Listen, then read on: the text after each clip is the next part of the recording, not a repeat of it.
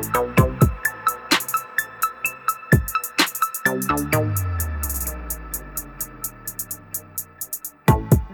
var ferien over, og for røverstudiet i Oslo fengsel så har du Oskar og Fredrik.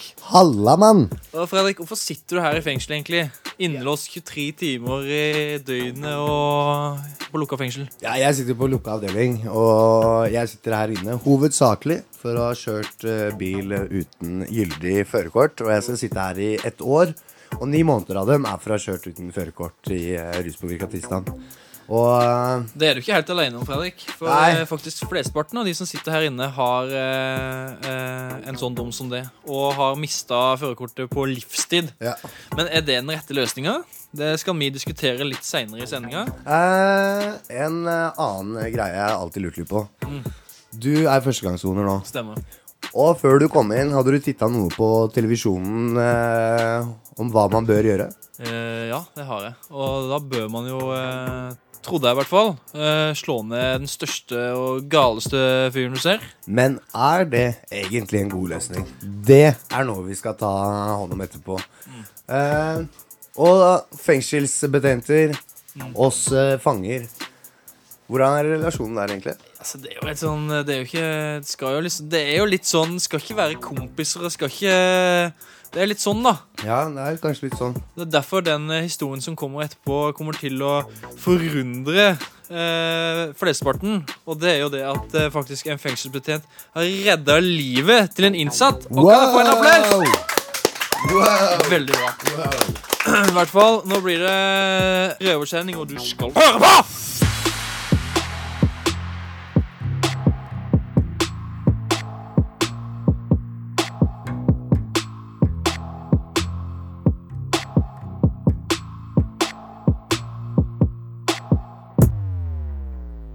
Ja, Fredrik, Ja. har du sett mange slåsskamper i fengsel?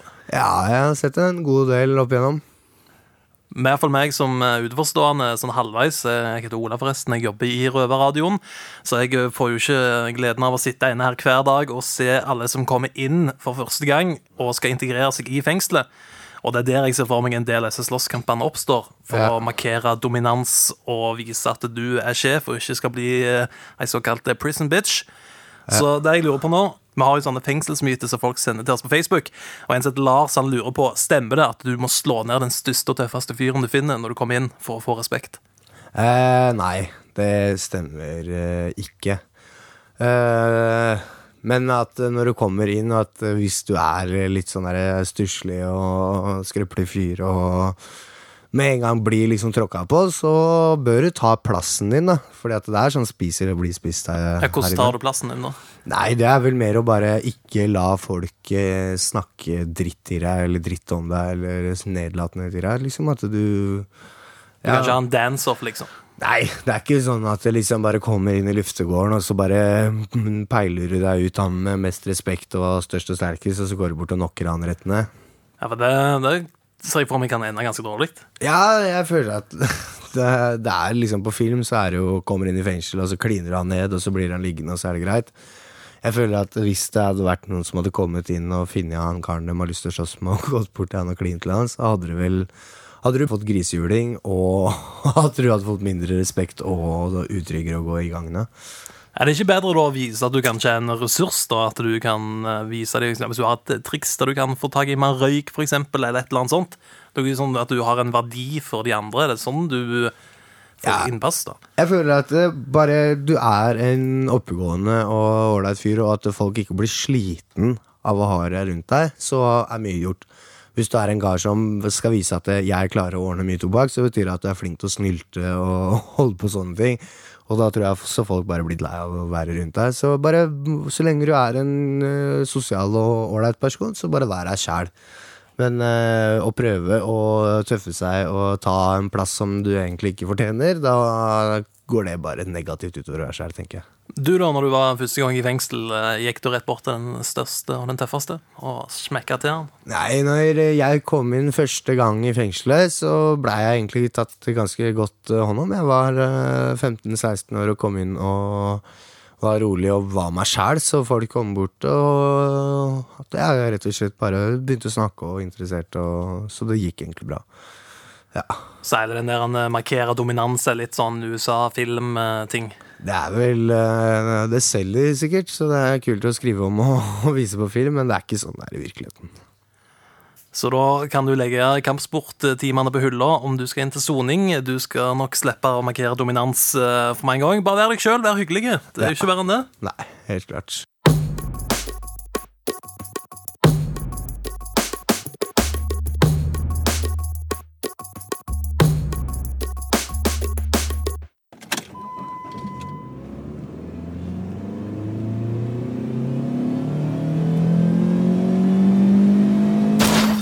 Flesteparten av oss som sitter i fengsel, eh, har en utsettelse på billappen i tillegg til fengselsdom.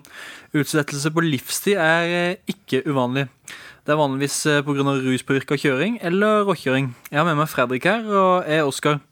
Og vi er jo enige om at det er jo ikke bra at folk mister livet i trafikken pga. uforsvarlig kjøring. Det er vi helt enige i, Oskar. Men løsninga Der er vi litt eh, uenige. Fordi at løsninga nå, det er jo det at man eh, får en utsettelse da, på livstid. er veldig vanlig. Det er veldig vanlig at folk får livstidsutsettelse på førerkortet sitt, og det er en god hensikt bak det.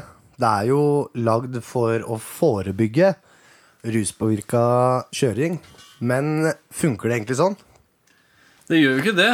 Jeg føler at eh, det er veldig mye av folka som eh, har i bakhodet at de aldri kan få førerkortet sitt igjen, uansett. Så den lista for å gjøre eh, kriminelle Eller bryte trafikkloven, da, er veldig lav. At eh, når du setter deg bak rattet, så har du allerede gjort en straffbar handling. Du sitter og kjører bil uten førerkort. Så om du da er rusa, det er ikke så farlig. Tenker folk flest. Så det virker litt mot sin hensikt. Virker Men- veldig mot sin hensikt. Men hvordan skulle det ha vært da, Fredrik?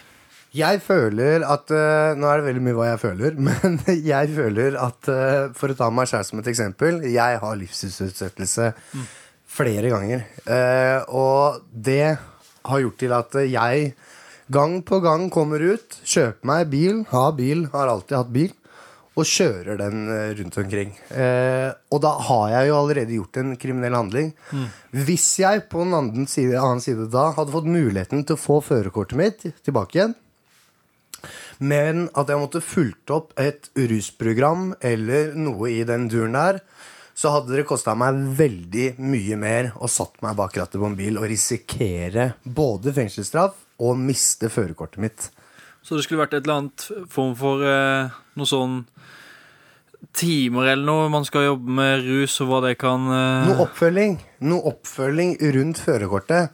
Fordi at det, det har veldig mye ringeffekter, dette her. Blant annet at eh, du kommer ut og skal tilbakeføres til samfunnet.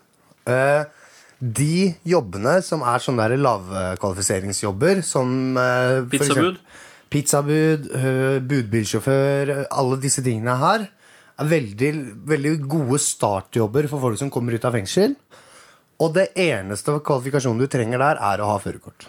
Og da gjør det på en måte veldig vanskelig for folk å komme ut av fengsel og kunne starte på et normalt og bra liv igjen. Men hva med de som eh, kommer til å utnytte det, da? For det vil jo noen gjøre. Jeg føler at det er ikke så veldig mange som kommer til å Selvfølgelig så har du jo Du har jo folk der også som gjør dette her, men majoriteten tror jeg kommer til å tenke på at eh, nå risikerer jeg å miste førerkortet, så da skal jeg ikke kjøre ruspåvirka. Jeg tror at eh, prosentandelen på eh, ruspåvirka tilstand ville sunket betraktelig hvis det hadde blitt innført noe mer tett eh, system og oppfølging rundt å få tilbake førerkortet sitt. Men hva med den andelen, da? Som gjennomfører det her programmet, så får de tilbake lappen, og så er det bånn gass igjen og ut De hadde mest sannsynlig kjørt uten førerkort i ruspåvirka tilstand uansett. Så er det litt sånn som reptilloven, at uh, folk har slanger uansett. Så Ja. de må bare gjøre det lovlig. ja, du og de reptilene dine, altså. Ja, det, har, det er litt der. Greit. Uh, da sier vi det at uh, dette her må nok opp til diskusjon. Eller hva, Fredrik? Jeg er helt enig, kjære Oskar. Innsatte i norske fengsler lager radio. Du hører Røverradioen i NRK P2. Og Fredrik. Ja, eh, jeg tenkte at nå er det på tide å fly en tur over til eh, kikkassene våre på Bredtvet fengsel. Og da skal vi høre litt hva som har skjedd med vår røverkollega Helga.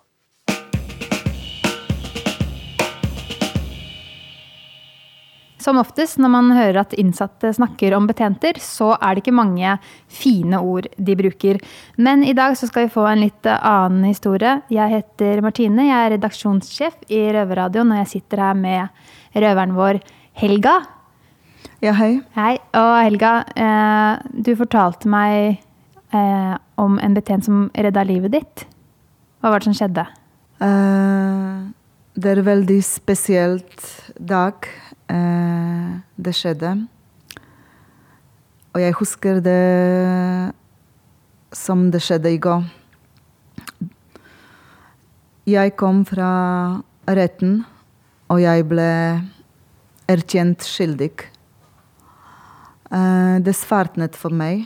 Jeg, jeg var bortreist. Jeg, jeg klarer ikke å forklare dette. Det var sånn at alt stoppet i livet mitt. Og jeg hørte, så ikke, jeg visste ikke hva foregått rundt meg. Det var bare en tanke som, som var i hodet mitt. Og det var at nå er det nok. Mm. Du vil ikke leve lenger? Jeg vil ikke leve lenger. Og det var jeg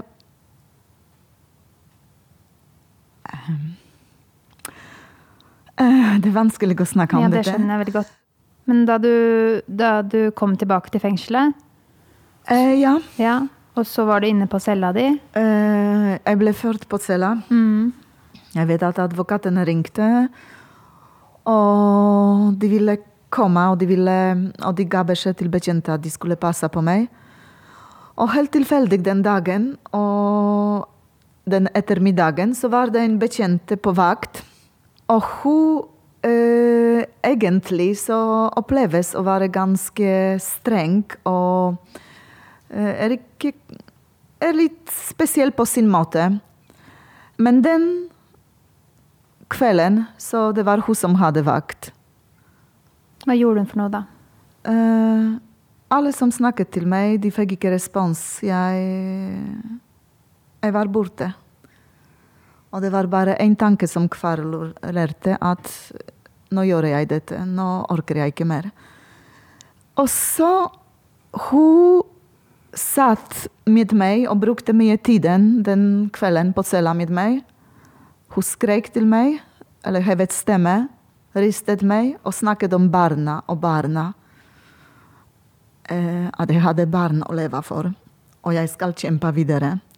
At jeg hadde en frifinnelsedom, og jeg måtte gå videre.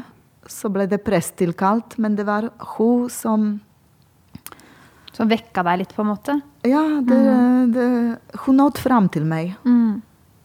Jeg klarer ikke å forklare dette, for det, jeg kaller det mirakel. på en måte. Har du fått takket henne i ettertid? Eh, ja, det faktisk tok et år. For at jeg sendte en, eh, eller, en julekort til henne med et ønske om god jul og godt nyttår, og skrevet bare 'takk' med små bokstaver. Og hun skjønte ikke hva jeg takket henne for, og da fortalte jeg henne at det var den dagen, og det var Jeg takket at presten og henne akkurat den kvelden satt med meg flere timer. Og det som skjedde, at så kviknet jeg, og så ringte jeg til advokatene og så sa dere trenger ikke bekymre meg. Jeg, jeg kommer å leve og kjempe videre.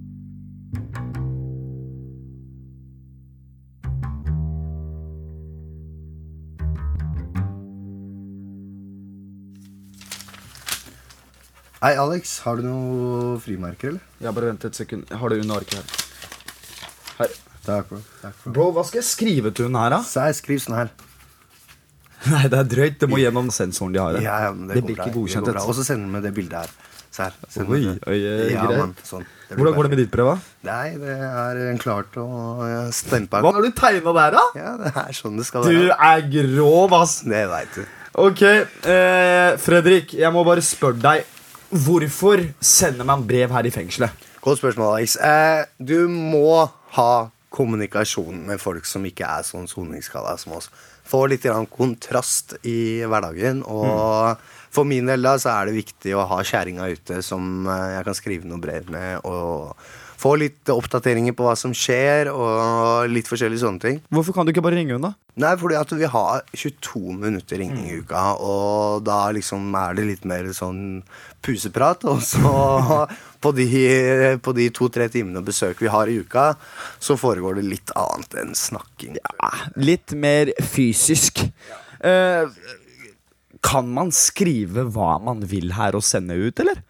Ja, det kommer an på. Hvis du skal skrive brev gangstershit til folk ute, så anbefaler jeg ikke folk å gjøre det. Hvorfor? det skal- Hvordan kan det bli ferska? Går det gjennom nå, eller? Ja, det er jo alle betjentene, eller ikke alle betjentene, men alle brevene som skal ut, skal jo gjennom en sensur, og den sensuren består av betjenter som skal gå gjennom brevene dine og godkjenne brevene dine før den, ja, før den blir sendt i posten ut.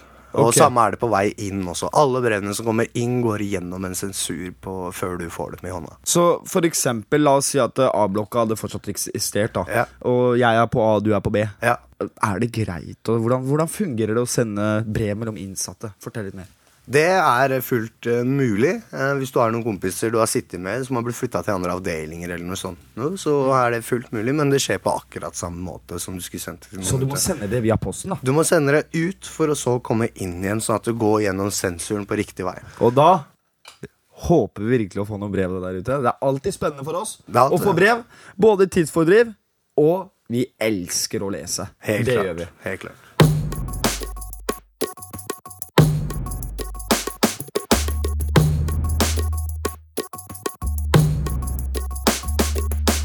Jeg heter Heidi, og jeg har med meg her ho Tone, som er tilbakeføringskoordinator. Velkommen til oss, Tone.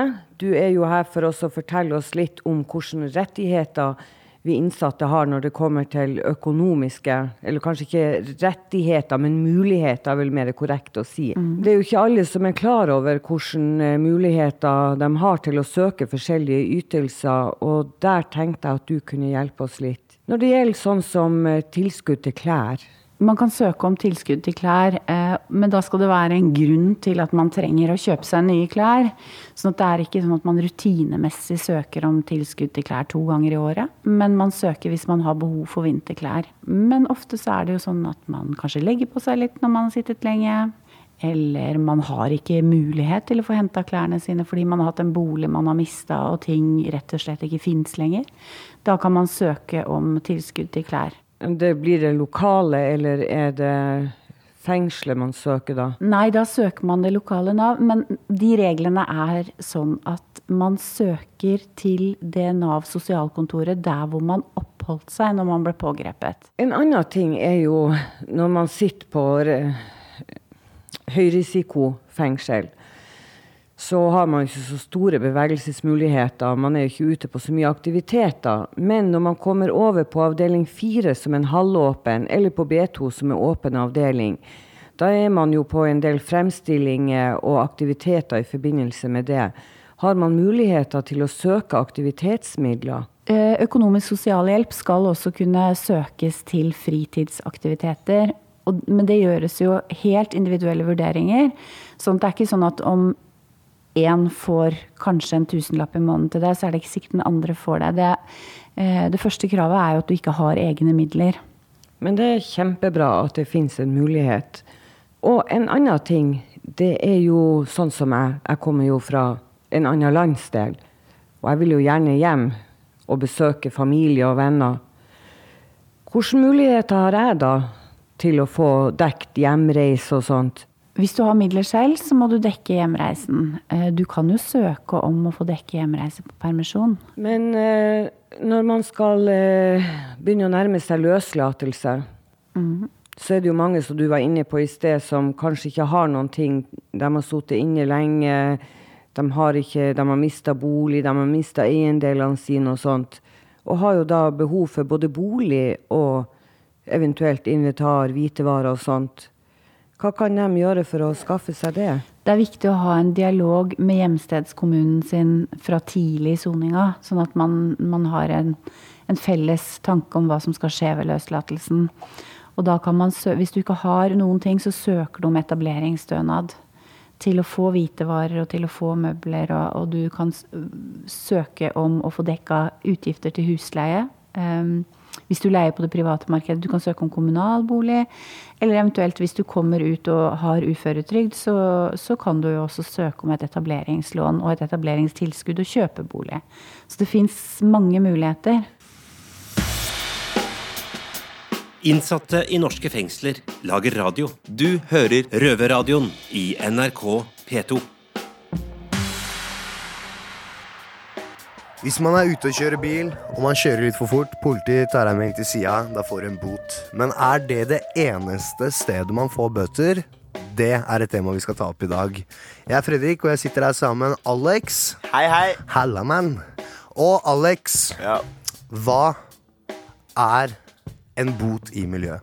Det er egentlig Hva skal jeg si? da? Akkurat som politiet deg bot. Du må bare betale. På hvilken Men, eh, grunnlag kan du få en bot, da? Det, det er så mye, da. Eh, sånn som Det kommer an på hvor stor du er i miljøet, da. Men er du en storkar og sier at du, Hei, jeg hørte du har prata dritt om meg, så jeg setter en bot på deg. Sånn går det. Så det er- fort kan du få en bot. Men er det bare på drittslenging man eh, får bøter? Nei. Nei, nei, nei, nei. Det er på alt man får bøter. Hvilken eh, For eksempel tysting. Tysting, ja. Det er en dyr bot, det. Hva pleier å være størrelsen på disse bøtene? Alt fra 200 000 og oppover. Kan Ja. jeg tenke meg? Ja. Kommer kanskje an på hva du har tysta på. Ja. Eh, siden jeg har tenkt litt på Hvis du er i miljøet, og folk har hørt at du eksempel har voldtatt en dame, eller noe sånt, Mm. hva skjer med vedkommende? Eh, som regel, hvis du har voldtatt en dame, så Hvis du får juling, så er det billig. Men eh, som regel så får du juling og blir bøtelagt. Veldig grovt bøtelagt. Ja, fordi Eh, ja. Nei, fordi at jeg, har jo Jeg har jo hørt eh, om et par sånne situasjoner. Og disse personene sitter jo fremdeles med gjeld opp til øra. Og de personene der, det er jo sånn de har fått gjeld, eller fått bot. Ja. Gjort opp bota si, og så får de ny bot. Er det normalt? La oss si, da, med andre ord Er du en gang tyster, da er du tyster for alltid. Du kan aldri stole på den personen igjen. Nei. Alex, har du noen gang fått en bot? Jeg har fått mange bøter. jeg. Jeg skylder staten 1,5 mill. Ja. Men Ja. eh, har du noen gang fått en eh, hva, Hvis jeg kan kalle det en miljøbot? Bot? Nei, det har jeg ikke. Nei, du har ikke det. Nei. Har du men- fått en bot av Fredrik? Eller motsatt? Jeg, jeg, jeg har aldri fått eh, bot på, for noen andre, fra noen andre enn politiet. Oh, ja, ok, det er bra. Ja. Det er bra. Men eh, Et spørsmål til deg, bare, Fredrik. få høre. Kjør på. Det er to spørsmål, egentlig. Ja, ok, stille Hva er best? Bot fra politiet eller bot fra miljøet? Bot fra miljøet, Fordi da kan jeg reverse den, og så kan jeg ta bot fra de. Oh, ja, ok. Ja. Og det, det andre er Betaler du heller bot til politiet, eller betaler du bot til miljøet? Eh, jeg betaler de bøtene jeg får fra politiet. Eh, bøt fra miljøet, det, Det tar du opp i det tar vi i miljøet. Vold løser ingenting. Nei, jeg har ikke sagt det heller.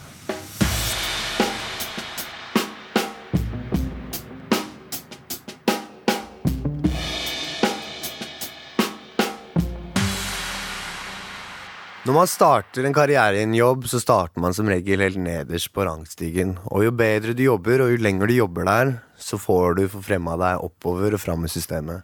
Samme prinsippet skal det egentlig være i fengsler også. At du starter å være innelåst hele tiden, og så kommer du deg videre til åpne avdelinger.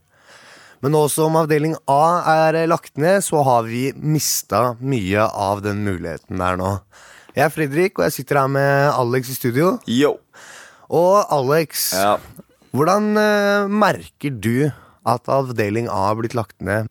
Det verste er at eh, du, jeg, jeg får ikke jobbet meg opp til noe bra. Så du føler at eh, du mister litt av motivasjonen til å gidde å prestere da, og gidde å oppføre deg av at du føler at man kommer ingen vei uansett? Ja, Hvorfor skal jeg gjøre det? Nei, det- Jeg kommer ingen vei likevel. Men eh, merker du noe om eh, amperheten rundt deg med folk som du sitter med? Eh, jeg vet ikke hva amperheten er. eh. Nei, det er eh, at folk er mer irriterte og kort lunte og sånne ting som dette. Ja, liksom. det er, for eksempel da, midt på natta så hører jeg at folk driver og skriker ut av vinduet og holder på. Og jeg sliter med å sove, så det blir et stort problem for meg. Så går jeg ut for eksempel ut for å ut for å kaste søpla mi, da. Hvis jeg får lov til å kaste ut søpla fra åttende.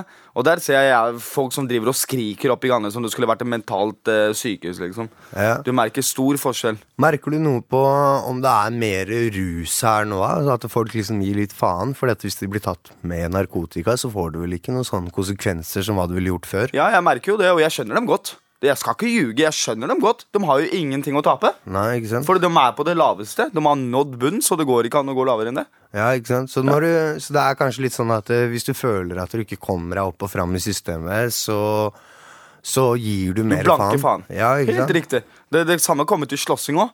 Det er bare spørs, spørs om tid når du kommer til å sprekke når det kommer om slåssing, liksom. Ja, det er jo slåssinga. Eh, Jeg har jo merka sjøl at det er mye knusing av celler og sånne ting som dette er også. Mm. Og jeg personlig tror vel at det hadde vært mindre av det hvis folk hadde sett litt lys i enden av tunnelen med at de kunne dratt ned på noen vanlige avdelinger med utlåsning ned på avdelinga, men det har jo folk ikke mulighet til lenger. Så, så man ser jo ikke slåsskampene, men man hører dem. Og for at eh, når du er i cella, Mm. så hører du alarmen etter betjente. Ny, ny, ny, ny, ny, så hører du bare en bras med over 10-15 betjenter. Da Og hører du at eh, noe skjer. Går den ofte for tida? Den går veldig ofte, ja. Ikke sant? Som du husker han ene på 20. Det er han som drev og sparka i dørene i to hele dager før betjentene fikk dratt han ut. Ja. Slitsomt å høre på. Sånn fikk vi aldri høre på. Nei, jeg er helt enig. Jeg er helt enig.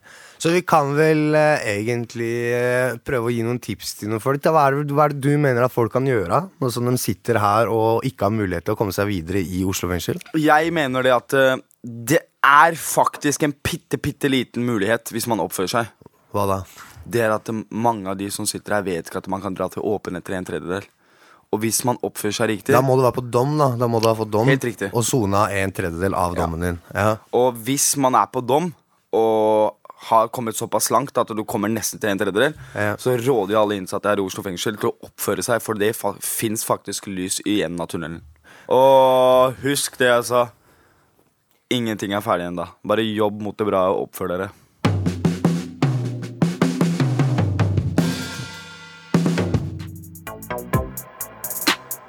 Dette her er eh, Fredrik. Jeg står her sammen med Oskar fremdeles.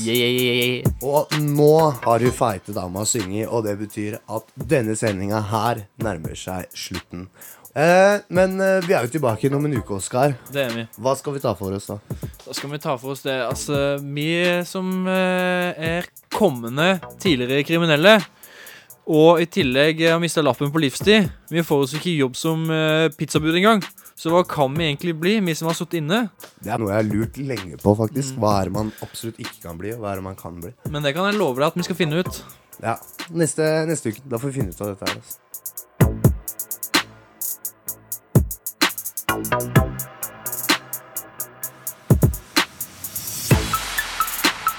Røverradioen er laga for og av innsatte i norske fengsler. Tilrettelagt for streitinger av Rubicon for NRK.